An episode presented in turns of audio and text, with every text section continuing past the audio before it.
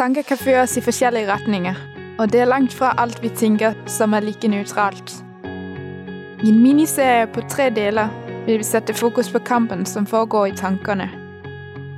Ifølge Kristin Berge, blogger og forfatter, går det ikke an å ha negative tanker og leve et positivt liv.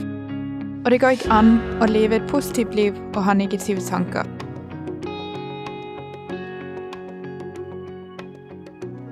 Det, det, begynte egentlig med meg sjøl. Eh, det var når jeg var på Hawaii, for vi dro til Hawaii i 2011. Så, så, så begynte jeg å lære det at vi trenger ikke å eh, godta alt vi tenker. Fra fram til da, jeg var jo 33 år, så hadde jeg bare godtatt alt jeg tenkte, og jeg tenkte ikke noe over det, bare godtok det og levde ut fra fra hva jeg tenkte, så var det jo mye ikke, av mine tanker som ikke var i overensstemmelse med hvem jeg ville være, eller, eller hva Bibelen sier at vi skal være. For eksempel at vi, vi skal elske andre. Så jeg hadde veldig mye kritiske tanker overfor andre, og da måtte jeg begynne å ta en kamp inni tankene mine. Velge vekk de tankene som ikke var i samsvar med den jeg ønska å være.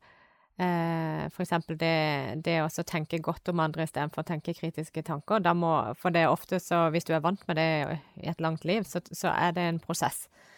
Så det er en, en kamp du må, må ta eh, igjen og igjen. Mm.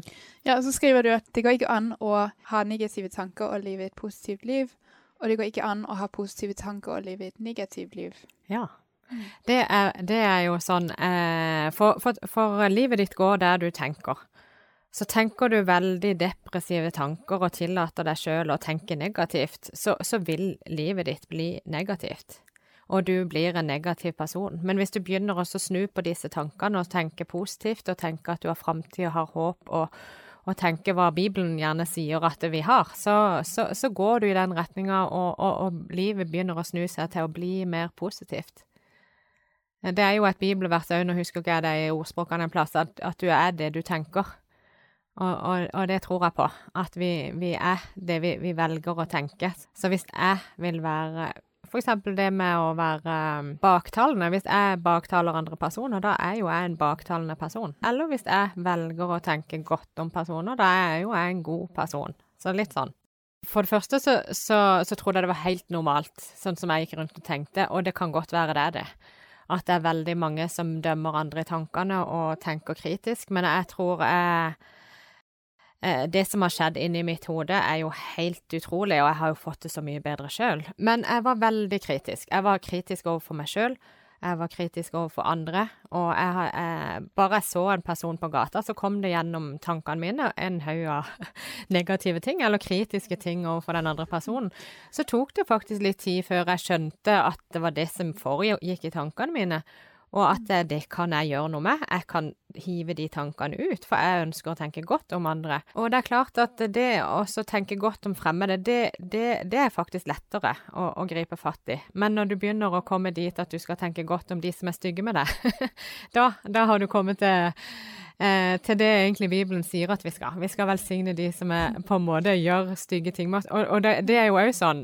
Som regel gjør du ikke det helt naturlig, ikke sant. For på en måte kroppen vil Den menneskelige naturen vil noe helt annet. For det du vil ta igjen, eller du, du føler deg eh, ja, urettferdig behandla. Så da da er det jo viktig også å ta et oppgjør med det. Nei, jeg velger å, å, være god selv om den Og så må du jo ha en prosess på det. Det er alltid en prosess, for det er ikke sånn Men, men med en gang du velger det i tankene, så vil eh, for, for Den hellige ånd vil.